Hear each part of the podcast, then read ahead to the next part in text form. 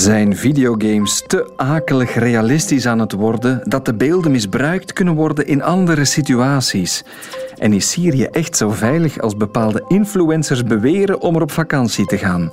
Ik ben Dennis van den Buis en in de podcast van het Uur van de Waarheid ga ik deze vragen beantwoorden. Maar beginnen doen we in eigen gauw.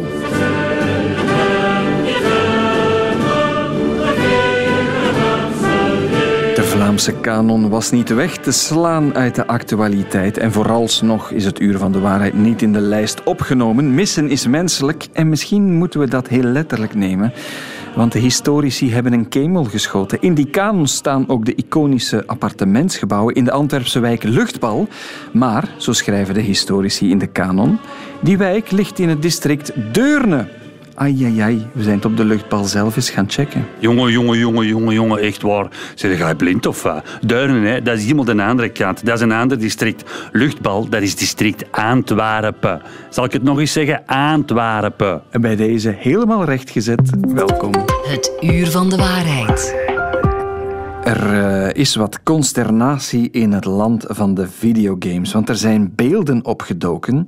Ik heb ze zelf ook gezien van een, een nieuw schietspel, zo zou je het kunnen zeggen, oneerbiedig, een first-person shooter.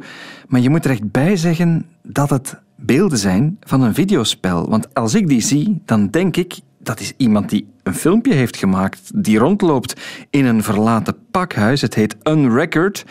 En er is heel veel over te doen. Net zoals er daarvoor al heel veel te doen was over valse gamebeelden die opdoken in de propaganda van Rusland. It's called Unrecord, and it's leading a lot of people uh, to kind of like debate whether or not it's a real game or not. Those sharing the video said that it showed a NATO convoy in Ukraine being destroyed by the Russian army. This video isn't real. Actually, it comes from a video game. Where's the line where someone can consider something too realistic? It's very impressive what the devs managed to do, but I can already see this getting banned in multiple countries. Dat was iemand in een vlog over videogames die ja, een beetje voorop liep op de feiten en al de vraag stelde hoe ver kan je gaan met hyperrealistische games als die beelden misbruikt worden, als het misleidend is, ook misschien psychologisch, als het er te diep op inhakt. Waar begint de misleiding en eindigt het spel? Interessante vraag waar we het over gaan hebben met Dries de Rijker, die is Academic Director Digital Arts and Entertainment. Kortom, hij weet alles van spelontwikkeling. Bij de Ho West in Kortrijk uh, werkt hij. Dries, een hele goede goedemorgen. Goedemorgen, Dennis. Dries, heb jij die hyperrealistische beelden ook al gezien? Ja hoor, uh, ze zijn zeer prominent aanwezig op YouTube. Ja, wat dacht jij toen je ze zag? Uh, mijn eerste impressie was, wauw, cool gedaan. Uh, want het is wel een, een, een mooi, een knap staaltje werk eigenlijk om een 3D-omgeving er zo realistisch te laten uitzien. maar als je dan iets verder kijkt, het gebruikt een aantal, ik wil niet zeggen goedkope, maar leuke effecten om het toch wel voor een stukje meer te verkopen. Het typische fisheye effect van zo'n bodycam de, de, de, de, distortion en, uh, en alle lichteffecten die ermee gepaard gaan. Uh, om zo'n goedkope camera te simuleren, uh, verkopen het effect wel nog een heel stuk meer dat het eruit ziet als, als echte beelden. Ja, maar het ziet er hyperrealistisch uit. Hè? Laat dit zien aan negen of aan tien mensen. Toch de meerderheid gaat denken op dit moment dat zijn videobeelden. Ja, absoluut. Dat is. En dat, dat zie je ook. dat hoor ik ook links en rechts van, ah, inderdaad, dat is niet echt. Um, maar ja, er zijn uh, heel veel manieren om, om zo'n een, een, spel er zo realistisch mogelijk te laten uitzien. Maar ze hebben een heel slimme techniek gebruikt en dat is het simuleren van een goedkope camera. Want dat kun je op een relatief cheape manier wel doen in, in games. Mm -hmm. um, en dan krijg je daar beelden uit die wij aanvaarden als ah, dat is echt gefilmd, doordat we die artefacten van slechte camera's gewend zijn om te zien. Ja, dus we denken dat past binnen beelden die we van andere dingen, bijvoorbeeld van het front van Oekraïne, ook wel uh, te zien krijgen. Um, ja, jij staat aan de kant van de gameontwikkelaars, mm -hmm. jij zit daar helemaal in. Is dit toch een kantelpunt in de race naar fotorealisme, alsof we echt in een echte wereld rondlopen? Het spel zelf is niet het kantelpunt, het is eerder de technologie waarop het gebaseerd is. In de afgelopen jaren is er steeds meer technologie uitgekomen om spellen er toch wel een heel stuk realistischer te laten uitzien. Uh, bepaalde technologieën om licht mooier te laten uitzien of meer realistisch te laten uitzien of toch in een dynamische omgeving beter te laten werken, want games zijn uiteindelijk een dynamische omgeving. Um, en het is vooral die technologie die de verandering zorgt. Uh, dit game is gebaseerd op die technologie. Dus dit game is, zal waarschijnlijk een van velen zijn die er ook super realistisch gaat uitzien in de toekomst. Ja, de toekomst uh, toont aan waarschijnlijk dat dit nog maar het uh, begin is. Maar wat ook al is gebleken, er worden wel beelden naar buiten gebracht, gelekt als komen ze van het front. Bijvoorbeeld dat NAVO-convooi dat aangevallen zou zijn door de Russen. Ook beelden van afweergeschut die dan uit games komen.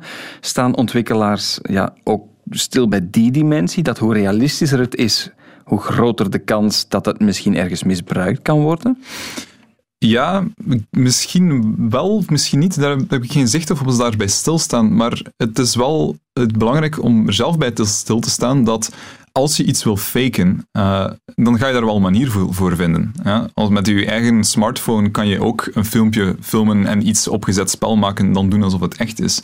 Dat is niet anders met games. De, het is gewoon het medium dat anders is.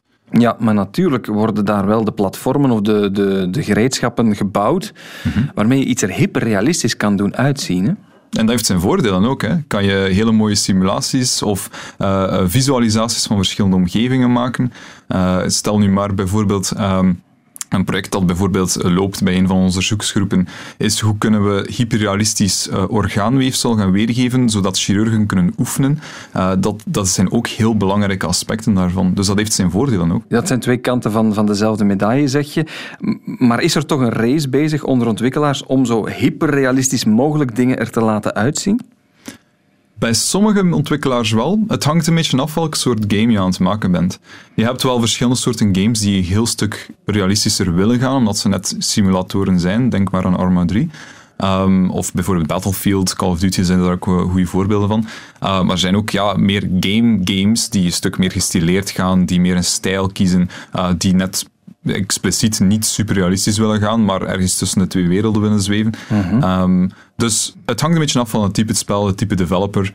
Um, maar er wordt wel natuurlijk de benchmark van het realisme wordt steeds hoger en hoger gelegd. En, en dat is ook oké. Dat is de evolutie van de technologie en van het medium. Ja, je wees al op de positieve kanten daarvan. Maar wordt daar binnen de gamewereld of binnen jullie opleiding ook wel stilgestaan bij die ethische vraagstukken? Het feit dat het nu wel misbruikt kan worden, bijvoorbeeld in oorlogssituaties? Toch zeker wel. En het is ook een belangrijk iets om bij stil te staan. Um, maar laten we ook niet vergeten dat dit een ethisch vraagstuk is dat al jaren en jaren loopt. Denk maar aan bijvoorbeeld uh, Call of Duty Modern Warfare. Uh, is een spel dat al tientallen jaar oud is. Niet tientallen, ik denk, ik ben niet 100% zeker, maar het is meer dan tien jaar oud. Mm uh, en er is een bepaald level in dat spel waar je letterlijk uit een uh, uit een, een, een, een, lift stapt en waar je met uh, een geweer een hele hoop mensen in een luchthaven omvermaait. Ja? En daar zijn er heel veel ethische vraagstukken rond geweest op dat moment. Maar dat spel bestaat nog altijd en je kan het nog altijd kopen. Dus de opmerking van ah, dat gaat verbannen worden, als het toen niet verbannen is, zal dit het zeker ook niet uh, verbannen worden. Dus... Nee. Maar is er geen verschil tussen het afknallen van een paar pixels of duidelijk getekende mannetjes of een hyperrealistische mens neermaaien, afschieten in zo'n schietspel? Wel, het, het, oude spel dat ik aanhaal waren niet gewoon zo eh, super gestileerde, pixelated mannetjes. Hè. Dat waren, de, de game-technologie is al redelijk geavanceerd. En als we tien jaar terugkeren, had je wel nog altijd een relatief realistische representatie. Um, ja, die ratings bestaan al. Hè. Uh, die spellen zijn al uh, M for Mature of T14, omdat er misschien wat fantasy violence in voorkomt. Dus die ratings zijn er en de verbanning om voor bepaalde leeftijdsgroepen om die spellen te spelen is er al. Um, het, het, is wel belangrijk om bij stil te staan wat voor impact je kan hebben met het game dat je maakt. Maar uh, ik denk dat er genoeg onderzoek is ondertussen dat ook bewijst dat uh, uh, violent videogames niet zorgen voor violent mensen. daar is er al genoeg onderzoek naar gebeurd, denk ik. Ja, in heel wat andere dossiers die we hier al besproken hebben, ook in, in eerdere afleveringen van het Uur van de Waarheid, ging het over de rol die artificiële intelligentie ook speelt, dat dat dingen meteen veel sneller laat evolueren, een, een, ja, een, schot, een schop onder de kont geeft, zeg maar. Mm -hmm. Is dat ook aan het gebeuren in de gameontwikkeling? Zeker en vast. Um, het heeft zeker en vast een impact op de snelheid waarmee dingen kunnen gemaakt worden. Uh, het, het, het, maakt het een stuk gemakkelijker en toegankelijker om te vervangen. zijn al de, uh, de, de saaie taakjes en de herhaaldelijke taakjes, en, um, maar ook een stuk van het artistiek proces. En dat is iets dat denk ik mensen niet klaar voor waren uh, drie jaar terug. Um, het staat nog in zijn kinderschoenen, maar de technologie om 3D uh, objecten te gaan genereren, gaat er binnenkort ook zitten aan te komen. En dat gaat wel een impact hebben op de snelheid waarop uh, games kunnen gemaakt worden. En ook op de, het realisme, gaat dat nog sneller leiden tot dat fotorealisme? Inderdaad. En um, een techniek die nu al gebruikt wordt, fotogrammetrie, helpt daar al een stuk bij. Uh, eventjes kort, fotogrammetrie is heel veel foto's trekken van een bepaald object, om daar dan een 3D-object uit te gaan genereren. Dat wordt al jaren gebruikt. En dat is een zeer goede techniek om zeer realistische objecten in je game te gaan krijgen. Um, maar stel je voor dat in plaats van je al die moeite moet steken in al die honderden, misschien soms duizenden foto's trekken van een object, stel je voor dat je gewoon een tekstje, een zinnetje kan typen in je uh, generative AI en dat hij dan een aantal modellen uh, genereert uit uw zinnetje. Um, ja, uw proces gaat plotseling van een aantal dagen naar een minuut of vijf. En ja, dat, dat heeft zeker een impact op hoe snel je realistische objecten in je game kan krijgen. Ja. Hoe moeten we nu kijken naar het debat dat, uh, dat over dit nieuwe spel een record naar buiten is gekomen? Is het te realistisch? Gaat het te snel? Moeten we ingrijpen? Wat is jouw antwoord? Het gaat niet uh, te snel en ik vind niet dat het te realistisch is. Uh, het is. Er zijn heel veel voordelen ook aan uh, super realistic graphics te kunnen maken op een, op een snelle manier. want je moet ook rekening houden, de filmindustrie hangt hier ook voor een stuk aan vast. Als je super realistische beelden kan maken op een snellere manier, dat, dat kan heel, een interessante impact hebben op je productiekosten ook. Um, en aan de kant van AI gaat het te snel. Het gaat zeer snel en we zijn er als maatschappij misschien nog niet klaar voor, uh, voor de verandering dat het gaat teweegbrengen. Aan de andere kant, het slechtste dat je nu kan doen is zeggen, uh, we doen er niet aan mee en we negeren het gewoon, want het bestaat. En het gaat enkel maar vooruit gaan. Dus of je nu mee wilt of niet, uh, je gaat moeten je aanpassen of je gaat achterop blijven. dus een beetje adapt or die. een uh, genuanceerde mening bij die hyperrealistische beelden en de toekomst. Een record heet dat spel trouwens. Ga die beelden maar bekijken. Ze zien er akelig echt uit, maar komen dus uit een videogame. Dries de Rijker, dankjewel voor je tijd. Dankjewel Dennis, prettige dag. Het uur van de waarheid. Wat heb ik spijt. Wat heb ik spijt dat ik mijn zomervakantie al geboekt heb. Want vergeet de Provence, vergeet de Griekse eilanden, vergeet de Costa Brava, waar je ook naartoe wil gaan. Als je YouTube mag geloven, moeten we met z'n allen, en het ziet er echt goed uit hoor, sorry dat ik het zeg, moeten we met z'n allen naar Syrië, naar Damascus. We made it to the place here in Syria, the nightclub. Oh my god, it's amazing man, really good vibes. So, look at all these lights in the sky, the trees. Damascus has an awesome nightlife, really underrated, one of the best in the Middle East. No, no, no. These Syrians, they are crazy guys. Not the Syria that you would believe, right? Full party mode in Damascus. I don't want to leave anymore. We don't want to leave Syria, we just want to stay. Wauw, Lupna Kalkali is bij mij. Lupna, welkom. Dankjewel, hey. Jij bent Midden-Oosten-kenner bij de redactie van uh, Franks, ook bij VRT Nieuws. Ook zelf actief op sociale media. Wat denk je? Zijn we weg naar Syrië? Het ziet er goed uit, hè? Ja, het ziet er inderdaad goed uit. Hè. Dus uh, dat is eigenlijk een recent fenomeen. En dat zijn niet zomaar influencers die naar daar gaan, maar travel- of reisinfluencers. En meestal hebben die zo duizenden tot miljoenen volgers. Um, en meestal gaat het eigenlijk om influencers die alle landen van de wereld willen zien. Maar die willen toch per se naar oorlogsgebied gaan, zoals Syrië, om te groeien eigenlijk en om meer followers te krijgen. En, en wat zien we zo? Wat doen ze bijvoorbeeld? We hebben al het nachtleven gehoord in ja. Damascus. Wat, wat komt er nog aan bod? Ja, die doen eigenlijk alsof de oorlog helemaal niet heeft bestaan. Hè. Maar uh, alsof de oorlog echt in een heel ver verleden zit. Uh, je, je ziet het nachtleven, je ziet moskeeën, je ziet historische sites, alle pracht en praal. Maar je, je ziet enkel en alleen de mooie kant van Syrië. En ze zeggen heel de tijd, oh, it's so safe here. Alsof het daar allemaal heel veilig is. En die, die houden heel weinig rekening met de gevoelens van de lokale mensen da daar. Want die gaan zelfs naar Aleppo, heb ik gezien. Uh -huh. En het is daar nu inderdaad beter dan tijdens de oorlog. Er is meer stabiliteit. Maar al die families daar, die hebben wel iemand verloren. Of die kennen iemand die gekidnapt is. Um, en honderden kilometer verder heb je nog altijd de stad Idlib, waar regelmatig wordt gebombardeerd. Maar die influencers die staan er niet bij stil. Nee, dus, en, en, en, ze laten al die dingen zien, want voor alle duidelijkheid, kan je dat doen? Kan ik gewoon naar Syrië reizen en hun tour naspelen? Of gewoon al die sites gaan bezoeken? Kan dat? Ja, dus je kan als toerist eh, naar Syrië gaan, maar je moet sowieso toestemming krijgen van de Syrische overheid. En die werken eigenlijk heel nauw samen met eh, Syrische reisorganisaties. Dus als je kijkt naar die video's van die eh, influencers, dan zie je altijd in de buurt een, een Syrische man. En meestal, meestal is dat zelfs dezelfde. Die zijn nooit alleen. En dus die moeten verplicht zo'n reisgids uh, bij hen hebben. En die reisgids die heeft een vergunning van de Syrische regering. Dus ze mogen ook niet zeggen wat ze willen in die influence-filmpjes? Nee, nee, absoluut niet. En, en, en die reisgids ook natuurlijk. Die, uh, op een gegeven moment zegt de Britse YouTuber Simon Wilson, die komen, die komen zo bij een plek in Aleppo, helemaal in puin. En um, hij vraagt aan de reisgids, oei, wat is hier gebeurd? Uh, wie heeft dat gedaan? Waarop die reisgids dan zei van, ja, dat is, dat is de schuld van de rebellen. Alle rebellen hebben hier ja, verschillende munities, verschillende wapens gebruikt. Terwijl we allemaal weten dat Aleppo vier jaar lang door het Syrische regime en door ja, de Russen eigenlijk plat gebombardeerd is. Mm -hmm. uh, maar het is wel echt in Syrië. Het is niet nagespeeld nee, op een nee, andere nee, locatie. Het, het zijn geen fake video's. Het is dus effectief in Syrië. En zo ook als je kijkt naar, naar, naar die video's, die worden heel erg ja, die worden gedeeld, die worden bekeken. Um, omdat die influencers ook eigenlijk, ja, die, die zijn niet met politiek bezig. Dus die willen alleen maar het, het te mooie laten zien, de bezienswaardigheden. En je ziet zo, soms ook de reisgidsen, die, die laten dan zo comments achter op hun, op hun video's en die zeggen van, oh, het was zo tof, hey, dankjewel dat je bent gekomen en het is hier zo veilig allemaal.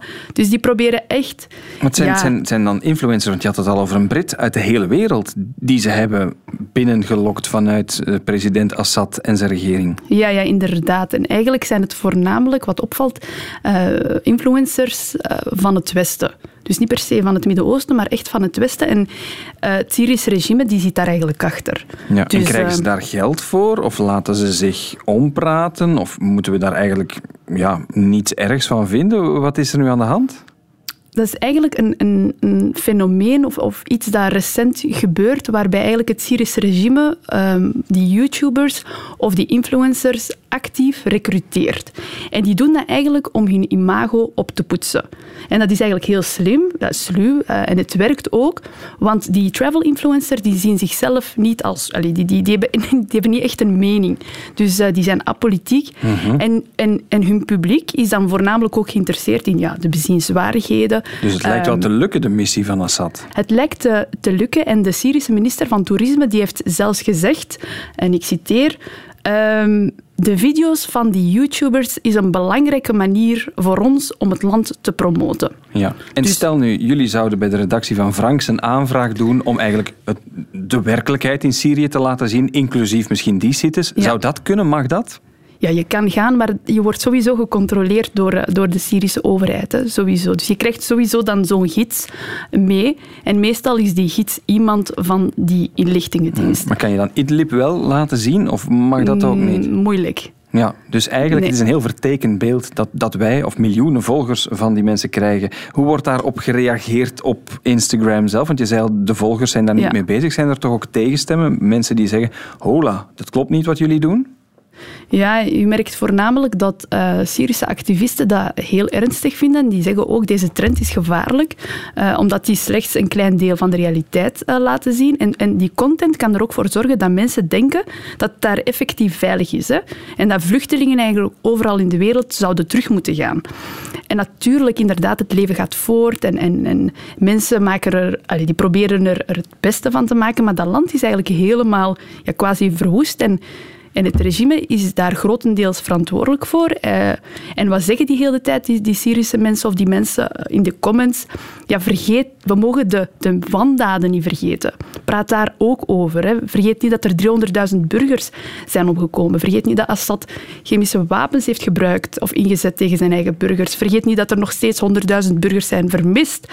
En dat er 14 miljoen vluchtelingen zijn, wat effectief de helft van die bevolking is. Uh, mm -hmm. ik, dus, denk, ik denk, Loepna, dat we die reis naar Syrië misschien toch nog beter eventjes uitstellen. Ja, ik, ik, denk het wel. Voor een zorgeloze vakantie is het nog steeds niet aan de orde. En dat zijn filmpjes van influencers met toch een ja, danige kanttekening die we daarbij gezet hebben. Loepna Kalkali, dankjewel om bij ons te zijn. Graag gedaan. Het uur van de waarheid. De checkers. En als hij deze jingle hoort, dan komt hij uit zijn grot gekropen om de mensheid te verblijden met factchecks. Onze chef factchecking, Luc van Bakel. Luc, welkom opnieuw. Dag Dennis, goedemorgen. We gaan beginnen met een bewering, een filmpje dat gepost is door voormalig Vlaams Belangpoliticus Dries van Langenhoven. Want in dat filmpje beweert hij dat er in Frankrijk een man bestaat die maar liefst 48 bosbranden had aangestoken. Ja, en meer nog, hij voegt er ook aan toe dat wij, de media, die branden aan de klimaatopwarming linken en niet vermelden dat ze in feite dus werden aangestoken door die man. Uh, straffe uitspraak, twee claims zitten er eigenlijk in. Dus één, ja, zwegen de media. En twee, klopt het eigenlijk dat er iemand 48 bosbranden heeft aangestoken? En dat onderzocht Karin Eekhout van Knak. Het klopt niet. Er is inderdaad iemand veroordeeld onlangs voor 48 brandstichtingen. Die zijn ook vorige zomer gebeurd. Maar uh, de brandstichtingen waarvoor die man veroordeeld is, uh, dat heeft helemaal niks te maken met bossen. Die man stak onder meer auto's en vuilnisbakken in brand uh, s'nachts. De media hebben daarover niet bericht omdat het niet gebeurd is. Het is een verzonnen verhaal. Oké, dus, dus deze man heeft niets met bosbranden te maken, deze pyromaan, wel met vuilnisbakken en auto's. Maar klopt het dan wel, laten we misschien doordenken, de rest van de redenering, dat wij als media verzwijgen dat andere bosbranden wel zijn aangestoken? Nee, dat klopt eigenlijk ook helemaal niet. Uh, je kan dat zelf heel snel uittesten. Ga naar Google en typ de woorden bosbranden, brandstichting en pakweg VRT Nieuws in en dan zie je meteen enkele artikels uh, over brandstichtingen. Uh, onder meer dat er vorig jaar tientallen personen zijn opgepakt die verdacht werden van brandstichting. Dus nee, ook dat verhaal klopt klopt niet echt. Samengevat, wat moeten we nu maken van heel dat verhaal van Dries van Langehoven over bosbranden, zwijgende media? Dat rammelt eigenlijk langs alle kanten. Gaan we dan van de Franse bosbranden en Dries van Langenhoven naar Moskou en Rusland, want daar hebben ze de overwinning op Nazi-Duitsland herdacht. Dat gaat samen met een gigantisch groteske militaire parade. En ik las ook dat er arenden daarbij zijn ingezet, om drones uit de lucht te halen. Ja, dat stond onder meer op Twitter, stond ook op uh, enkele krantenwebsites. Uh, het bericht kwam er een beetje in nasleep van die drone-aanvallen vorige week op het Kremlin. Je had die beelden dat je zo'n drone zag neerkomen. En in de nasleep daarvan opperde een Russische politicus eh, voor het vormen van, en ik citeer, een eskader van arenden die drones onderscheppen om belangrijke infrastructuur te beschermen. En tegelijkertijd ging er dan op Twitter een video rond, waarop je inderdaad dan ziet dat er een arend rondvliegt en die grijpt met zijn klauwen zo'n kleine drone vast. En voilà, daar het verhaal. Rusland zet roofvogels in tegen drone-aanvallen. Maar klopt dat nu, dat onderzocht collega Rien Emery? Dat filmpje hebben we onderzocht en het bleek al te dateren van 2016 toen aan een Nederlandse politieacademie er een ja, echt project was om adelaars te leren drones onderscheppen project dat later alweer stopgezet is. Um, dus het was een oud filmpje dat uit de context gehaald was en gekoppeld werd aan één ballonnetje van een Russisch parlementslid, maar echt adelaars die drones onderscheppen of die daarvoor opgeleid zijn in Rusland om het Kremlin te beveiligen, nee, die bestaan niet. Ze bestaan niet. Rien is daar heel categoriek over. Er is geen enkele aanwijzing dat Rusland arenden inzet. Maar Luc, in dat filmpje zie je wel degelijk een adelaar, een arend, die een drone vastgrijpt. Dus puur technisch kan het dan wel? Ja, het kan. Uh, je hebt die video, je hebt die beelden. Hè. Ze zijn in Nederland gefilmd. Dat was een experiment door de politie 2016. Dat is later wel, ik denk nauwelijks een jaar later al wel stopgezet, omdat dat niet de gewenste resultaten opleverde. Maar ja, het klopt. Er is niet alleen in Nederland mee geëxperimenteerd, maar ook in Zwitserland. De politie van Genève heeft dat ook ooit eens geprobeerd om roofvogels in te zetten. Dat project is ook stopgezet. En in Frankrijk hebben ze dat ook getest. Maar daar is het eens fout gelopen daar is een, een meisje van vijf een keer aangevallen door zo'n vogel. Oei, maar samengevat het verhaal van de arenden in Rusland. Nee, het blijven ook uh, wilde dieren trouwens, hè, die luisteren wel eens, maar ook niet altijd. Dus ook niet zo heel handig als je dan iets wil gaan bewaken of zo. We blijven in de dolle dierenwereld. Een vervelend dier mag ik het toch wel noemen. We gaan het hebben over zoemende muggen. De mug, ja. Want uh, daarover zei een holistisch arts in uh, goed gevoel dat mensen die angstig zijn of gestresseerd zijn sneller zouden gestoken worden door een mug.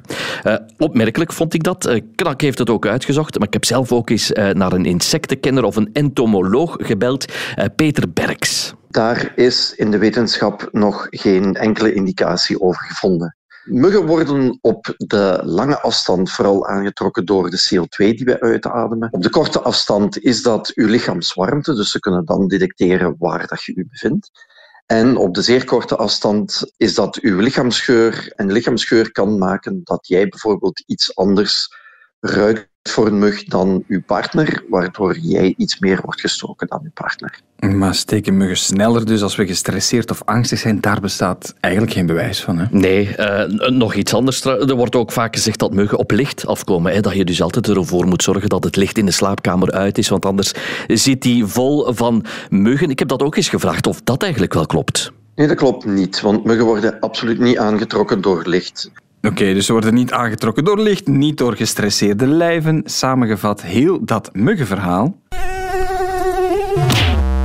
Ook daar is weinig van aan. Luc, weten we dan wat er wel werkt, of wat muggen wel aantrekt, of beter nog weghoudt? Ja, eigenlijk niet veel. Er zijn een aantal zaken die je kan doen. Zien dat er geen uh, stilstaand water in de buurt is, hè, want daar kweken muggen. Of uh, een muggengaas of een hor plaatsen. Of slapen onder een klamboe. Dat zijn zo de meest efficiënte tips die we kunnen geven. Goed, dat heb je allemaal mooi op een rijtje gezet. We kunnen het weer nalezen, neem ik aan. Op de checkers.be of op vrtnieuws.be. Luc, ik wens jou niet te veel muggenbeten de komende tijd en dank je wel voor je komst. Tot later. Radio 1. Alles begint bij luisteren. Er is een nieuw boek uit en dat heet Immuun voor nepnieuws. Het is een boek uh, dat eigenlijk vertrekt vanuit ons brein. Het is door een sociaal psycholoog van de Cambridge Universiteit geschreven. En dat is ook een Nederlander, Sander van der Linden. Die is nu bij ons. Sander, goedemorgen. Goedemorgen. Hartstikke goed om erbij te zijn. Ja, want we gaan met jou bekijken hoe we dus immuun kunnen worden vanuit ons brein voor fake news en complotten. Dat klinkt een beetje als een vaccin dat we onszelf kunnen toedienen. Ja, dat is eigenlijk de, de kern van het idee. Net als bij uh, een gewoon vaccin. Als jij dus een uh, verdunde dosis of een afgezwakte dosis van een uh, virus wordt toegediend, kan jouw lichaam antilichamen opbouwen. En zo werkt het eigenlijk ook met het brein, hebben we uitgevonden. Dat als je mensen van tevoren blootstelt aan een hele verdunde of inactieve dosis uh, van, het, uh, ja, van een stukje misinformatie of een stukje nepnieuws. En dat van tevoren weerlegt en helpt mensen, uh, daarmee mensen helpt om antilichamen op te bouwen, dan worden mensen dus meer immuun over tijd um, als ze tegen, de, ja, tegen het volle virus oplopen in de toekomst, om het zo maar even te zeggen. Ja, we kunnen ons lichaam, in dit geval ons brein, dan eigenlijk trainen om dat te detecteren. Hoe doe je dat concreet? Hoe maken we onszelf immuun? Ja, je kan jezelf immuun maken.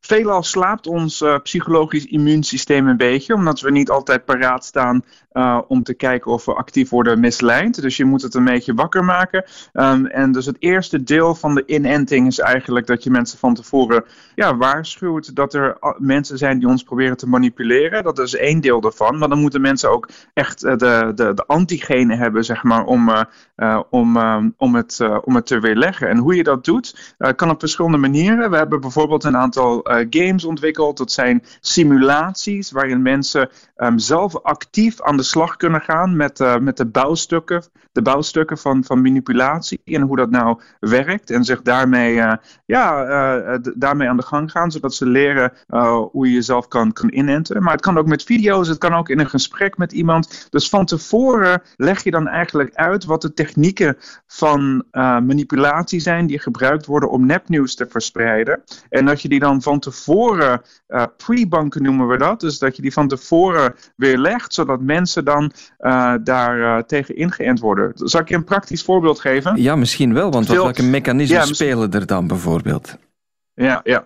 Dus hoe doe je dat dan? Nou, bijvoorbeeld in, in, bepaalde experimenten die we hebben gedaan, dan um, uh, hebben we het bijvoorbeeld over een vals, uh, vals dilemma. Of een vals dilemma, dat is vaak een situatie, dat wordt ook veel door politici gebruikt. Heel veel in, uh, in, in neppe headlines wordt dat ook gebruikt. In, in nepnieuws, dan laat je mensen dus zien alsof er maar twee opties zijn, maar eigenlijk zijn er veel meer. Hè? Dus bijvoorbeeld zeggen, oh, we moeten, hè, we moeten eerst aan de slag gaan met de problemen in, in België of Nederland voordat we aan immigranten kunnen denken. Dat is dus een vals, uh, vals dilemma. Een ander voorbeeld is, uh, als je niet bij ISIS komt, dan ben je een slechte moslim bijvoorbeeld. Dat is ook een voorbeeld van een vals dilemma. En eentje uit Amerika die ik...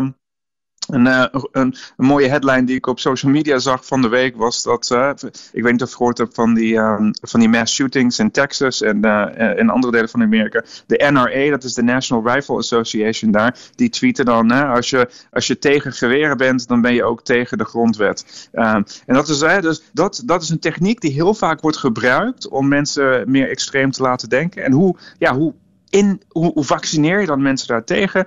Um, nou, eigenlijk gebruiken we dan uh, hele andere content. Dus we vertellen mensen niet wat ze moeten geloven, maar we laten mensen een clipje zien van Star Wars. Voor mensen die bekend met Star Wars zijn, dit is Revenge of the Sith. Uh-huh. Dan heb je dus uh, Darth Vader, die aan het praten is tegen Obi-Wan Kenobi. En die zegt dan: Either you're with me or you're my enemy. En dan Obi-Wan die zegt, uh, only a Sith deals in absolutes. En dan komt de narrator van de video en die zegt, hey, niemand wil natuurlijk een Sith zijn en, en de dark side. En je moet dat soort technieken niet gebruiken. En hier is hoe je die kan identificeren. Yeah. En dan de verdunde dosis hier is een, is een ja, is een clip van, uh, van Star Wars. Dus niet iets politieks, maar dat is de verzwakte dosis.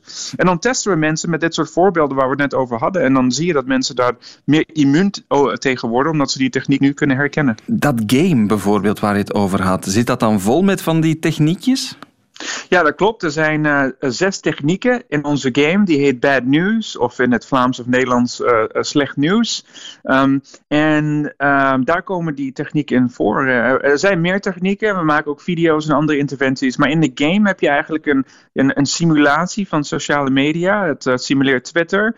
En dan worden mensen dus langzamerhand bekend met die technieken. Uh, andere voorbeelden zijn polariseren. Hoe, hoe, gebruik je nepnieuws om twee groepen in de samenleving te, te, polariseren? Het gebruik van emoties om mensen bang te maken over vaccinaties, andere onderwerpen. Uh, het gebruik van complottheorieën, dat is een heel belangrijk deel van, van misinformatie. We laten eigenlijk mensen zien uh, hoe, het, hoe ze misleid worden online door mensen daar zelf een beetje mee aan, aan de slag te, te, te laten gaan. En, en werkt dat? Is dat wetenschappelijk bewezen dat mensen nadien gemakkelijker die dingen kunnen opsporen en, en detecteren van ja, dit is fake of hier willen ze me iets laten geloven wat eigenlijk niet klopt?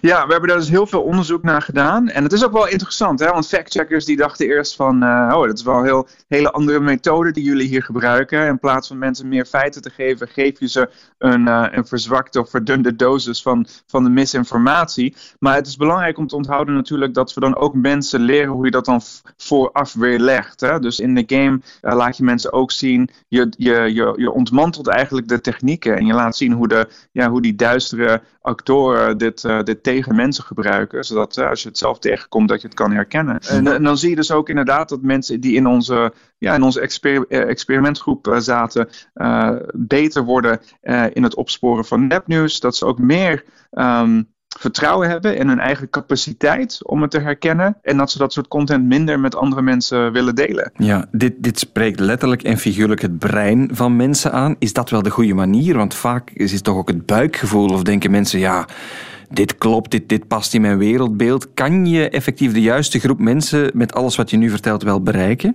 Ja, dat is een hele goede vraag. En daar zijn we ook wel ons bewust van dat het inderdaad een, een, ja, een beetje een, uh, een cognitieve uh, manier is om, om mensen te, te bereiken. Hoeveel heel veel nepnieuws natuurlijk ook inspeelt op mensen hun emoties. En ja, wat we dus proberen te doen, in plaats van uh, mensen een lecture te geven over wat ze moeten geloven of, of, of hoe je naar bronnen moet kijken, wat af en toe een beetje als, als suf of saai wordt beschouwd, was het idee hier dat we juist een beetje edgy wilden zijn. Dat we mensen in de, in de schoenen wilden laten stappen van de, van de manipulator. Om mensen een beetje, ja, toch, toch een beetje een, een een, nieuwe approach aan te bieden. Dat het ook veel sarcasme en humor heeft. Uh, om het niet alleen maar, zeg maar, zo heel ja, cognitief te houden. We wilden toch ook een beetje leuk maken voor mensen. Zodat ze het willen spelen en willen delen met, uh, met anderen. We zijn nu ook bezig met uh, TikTok bijvoorbeeld. En we zitten nu ook te denken aan, ja, wie, wie, wie zijn goede in-enters? Dus misschien moeten natuurlijk ook niet altijd van... van van de overheid komen of social media bedrijven. Want niet iedereen vertrouwt die bedrijven. En dat misschien een beantwoordt ook een beetje de vraag die hier Sommige mensen die, die hebben ja, heel groot wantrouwen voor bepaalde actoren in de samenleving. Dus ja, misschien zijn er bepaalde leiders in bepaalde groepen die, die het vaccin beter kunnen verspreiden, omdat die ja, toch, toch veel aanhang hebben bij, bij verschillende organisaties. Hè. Misschien in religieuze groepen zijn dat religieuze leiders. Misschien is het, zijn het popstars in bepaalde, voor bepaalde groepen. Dus we zitten nu te kijken van ja, wie, wie zijn goede influencers, om het zo maar te zeggen, om dat, om dat vaccin te verspreiden. Om ook een meer een sociale dimensie aan te geven. Ik hoop dat mensen er ook persoonlijk mee aan de slag gaan. Dat mensen kunnen denken, hé, hey, ik kan iemand anders vaccineren. Uh, met, een, met een conversatie. Uh, ik kan het mijn broer, mijn buurman, mijn, mijn familie, we kunnen het daarover hebben, um, zodat ik die uh, kan, kan inenten en hun kunnen andere mensen inenten. En dan uiteindelijk kunnen we allemaal elkaar uh, inenten en op de hoede houden. Dat is eigenlijk het idee. En zo verspreidt het uh, virus niet, maar wel de immuniteit tegen dat nepnieuws. Uh, Immuun tegen nepnieuws boek van jou is uitgegeven bij Spectrum. En je kan zelf dat game spelen op getbadnews.com in heel veel verschillende talen, ook in het Nederlands. Sander van der Linden, professor in Cambridge, dank je wel voor je tijd. Graag gedaan. En daarmee zit deze podcast van het Uur van de Waarheid er weer op. Een co-productie van VRT Nieuws en Radio 1. Wil je meer weten over de wonderenwereld van desinformatie, complottheorieën en fake news? Herbeluister dan alle eerdere afleveringen. Dat kan via de app van VRT Max. Tot de volgende.